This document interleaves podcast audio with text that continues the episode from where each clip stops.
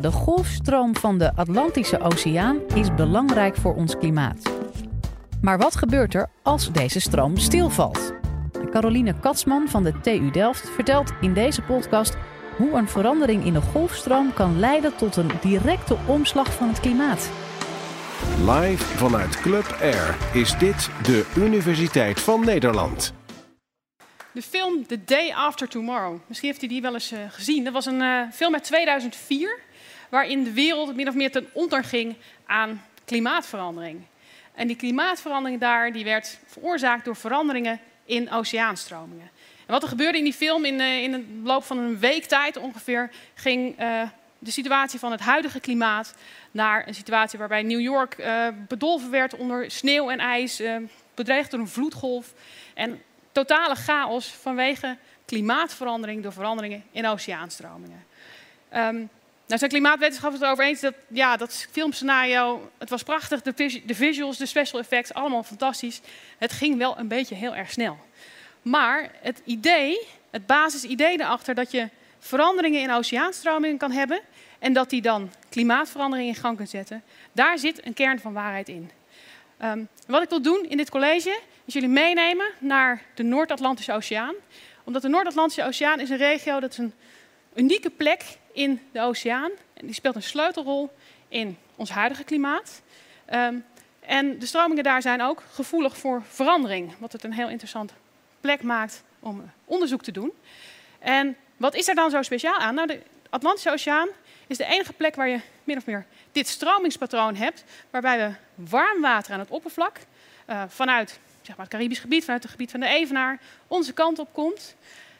Die stroming die koelt af, dat water aan het oppervlakte, geeft zijn warmte af aan de atmosfeer, wordt dan heel erg koud, zinkt naar de diepzee, dan hebben we het echt over diep van een paar kilometer diepte, en komt als koude stroming terug naar het zuiden Evenaar en verder de oceanen in. En dit hele systeem kun je zien als een soort transportband, simpel gezegd. En, een transport, en wat transporteert die? Die transporteert vooral heel veel warmte van de Evenaar naar de polen. Want we hebben een warme stroming heen en een koude terug. En dat heb je alleen in de Atlantische Oceaan, dat heb je bijvoorbeeld niet in de Stille Oceaan. En die stroming is voor een belangrijk deel verantwoordelijk voor ons relatief milde klimaat.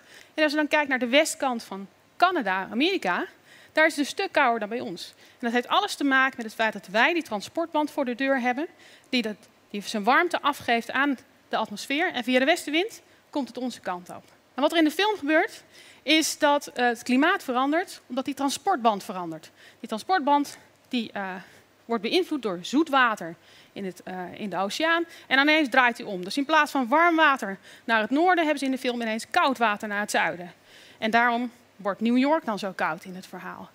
Nou, dit is waar mijn onderzoek om de hoek komt kijken. Ik doe onderzoek naar die transportband en hoe dat werkt. En bij oceanografen noemen dat de thermohaline circulatie. Want die circulatie wordt namelijk aangedreven door verschillen in temperatuur die we in de oceaan hebben en verschillen in zoutgehalte. Uh, want beide hebben een effect op het soortelijk gewicht van het water, dus de dichtheid van het water. En uh, ja, zorgen voor drukverschillen en zorgen voor stroming en beweging. Als water bijvoorbeeld, als het opwarmt, dan zet het uit, koelt het af, dan krimpt het. Dus dat betekent dat als je een liter met uh, koud water hebt, dan zal dat zwaarder zijn dan een liter warm water.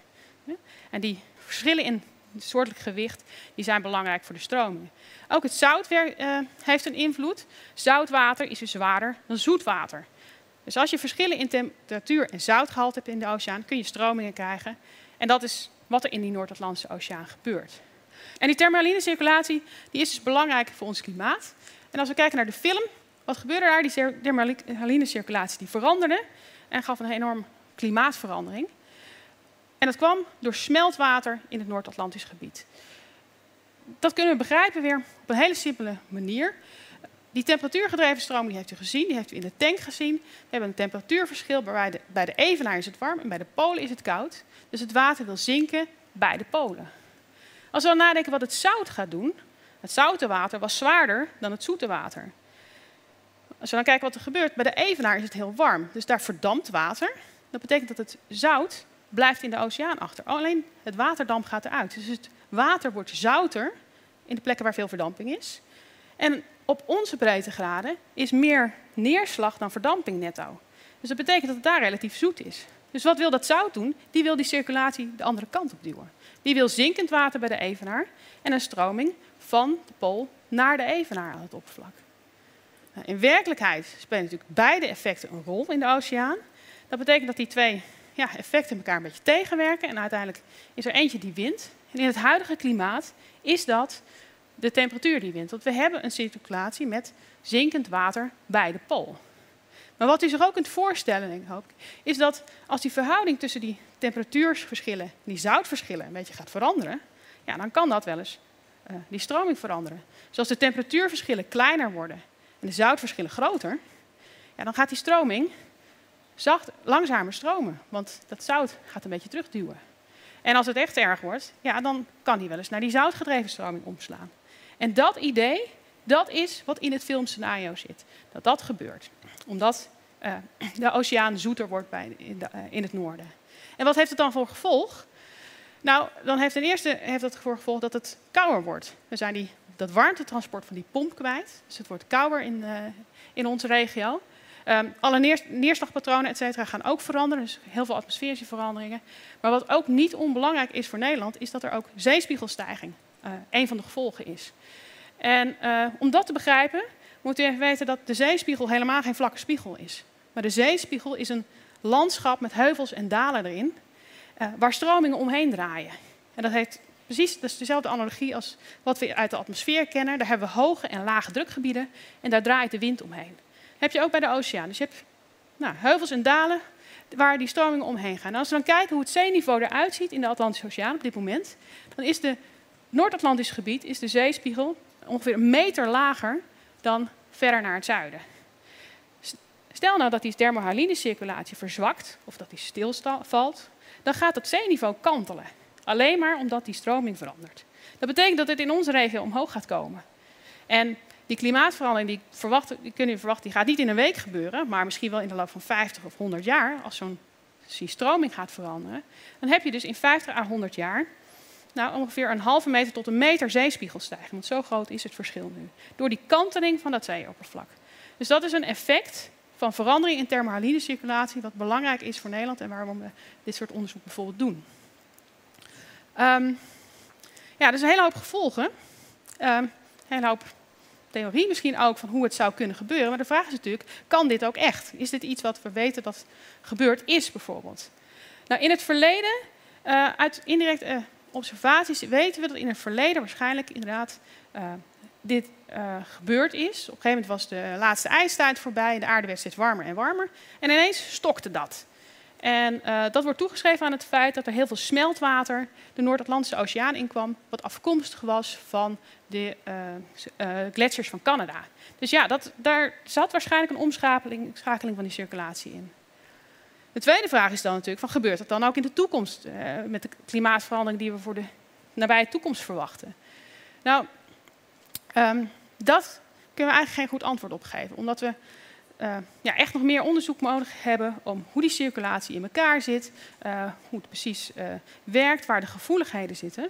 Maar wat uit het basisidee wat ik u heb uitgelegd al wel duidelijk is, is welke kant we op gaan. Namelijk dat het temperatuurverschil wat we nu hebben tussen Evenaar en Polen, dat gaat kleiner worden. Want de Polen warmen harder op dan de Evenaar, dat zien we nu al. Tegelijkertijd het zoutverschil gaat toenemen. Want de verdamping is er nog steeds bij de Evenaar, maar er komt meer smeltwater van de ijskappen, van het zeeijs. Dus dat betekent dat die verhouding tussen de temperatuur en zoutforcering, die gaat meer naar de zoutkant toe. Of dat voldoende is of, uh, of dat leidt toe, tot echt een omslag, dat kunnen we dus nog niet voorspellen. Daarvoor zijn echt meer, uh, is meer informatie nodig. Maar we weten wel welke kant het op gaat, lijkt het. Nou, al met al zou dat reden genoeg moeten zijn om te zeggen van oké, we moeten die transportband in de gaten houden. We moeten hem meten. Uh, weer terug naar de film. In de film hebben ze één prachtig boeitje midden in de Atlantische Oceaan liggen. Met een soort lampje erop. En op een gegeven moment gaat daar een alarm af en dan gaat het beginnen. Um, in werkelijkheid is dat absoluut niet aan de orde natuurlijk om het op die manier te meten. Sowieso is het heel erg lastig om dingen op zee te meten. En um, sinds 2004 is er een heel meetsysteem neergezet. Dat is natuurlijk heel veel aan vooraf gegaan. Wat die transportband, die sterkte van die transportband kan meten. En dat doet het fantastisch. En dat heeft heel veel interessante informatie opgeleverd. En je ziet daar bijvoorbeeld heel veel variaties in. Die transportband is helemaal niet altijd hetzelfde. Die gaat uh, uh, van jaar tot jaar varieert die, maar met de seizoenen, maar ook op korte tijdschalen. Als je goed kijkt, zie je ook dat hij twee keer op nul gestaan heeft, even omgeslagen is. Dus hij is al gestopt. Hebben we weinig van gemerkt. Hij is ook heel snel weer op gang gekomen. En het volgende wat je dus kan zien is dat er een hele langzame afname toch te zien is. Over die hele periode van 10 jaar is die een beetje afgenomen. Maar ja, je ziet ook met al die variaties, ik het wel begrijpen, dat dit is een veel te korte periode om hieruit conclusies te trekken over wat er de komende 10 jaar gaat gebeuren. Kan best dat het weer omhoog gaat, kan ook doorzetten. Dus dit moeten we eerst goed begrijpen waar al deze variaties vandaan komen, voordat we dat soort betere voorspellingen kunnen doen. Dus voor mij is het heel belangrijk om dit soort stromingspatronen, die stromingen in de diepzee, om daar meer over te weten te komen en dat proces beter te snappen. We zijn geneigd om te denken, als we het over klimaat hebben, om te denken aan uh, de atmosfeer. Dus hebben we een koude winter? Is het een warme of een droge zomer of niet? Maar die, op de achtergrond is die oceaan zo'n belangrijke component. Want wat doet die oceaan? Die, die vangt heel veel warmte op, die transporteert het ergens naartoe en die geeft daar de warmte weer af. Dus die is een belangrijke component in dat systeem. En, um, ja, dus die, en tegelijkertijd weten we er zo weinig van. Dus uh, zoals een van de beroemdste oceanografen het, uh, het formuleerde ooit, is dat uh, the oceans, they are the principal reservoir for the storage of CO2, of heat and of ignorance. En helaas zijn we daar nog niet van af. dat we vooral in die diepe oceaan gewoon heel weinig informatie hebben. Dus als ik dan terugkom op de vraag van het college, wat gebeurt er als die oceaanstromingen veranderen? Nou, u hoeft zich niet klaar te maken voor het scenario van de day after tomorrow, dat we volgende week ineens een ijstijd uh, onze oren krijgen. Maar het idee dat uh, we weten wel dat die thermohaline circulatie er is en dat die gevoelig is voor veranderingen in het klimaat en dat die uh, een klimaatverandering in gang kan zetten die aanzienlijk is. Um, niet in een week, maar als het gebeurt in een tijdsverhaal van 50 of 100 jaar. Wat we weten is dat de huidige circulatie, daar wint de temperatuur. Dus dan hebben wij die transportband van warmte in onze richting. Maar ja, met de klimaatverandering die we zien en die we voorspellen voor de komende tijd, verwachten we dat de zouteffect steeds sterker gaat worden uh, en aan kracht gaat winnen. Um, of dat leidt tot een omslagpunt, daar is echt meer onderzoek voor nodig. En mijn stelling is dan ook dat als we het klimaat goed willen begrijpen, dat we kennis nodig hebben van de diepzee. Dank jullie wel. Dit was de Universiteit van Nederland. Wil je nou nog meer horen, bijvoorbeeld over de vraag waarom zoveel millennials kampen met een burn-out? Of hoe je een oogbal kunt bioprinten? Check de hele playlist.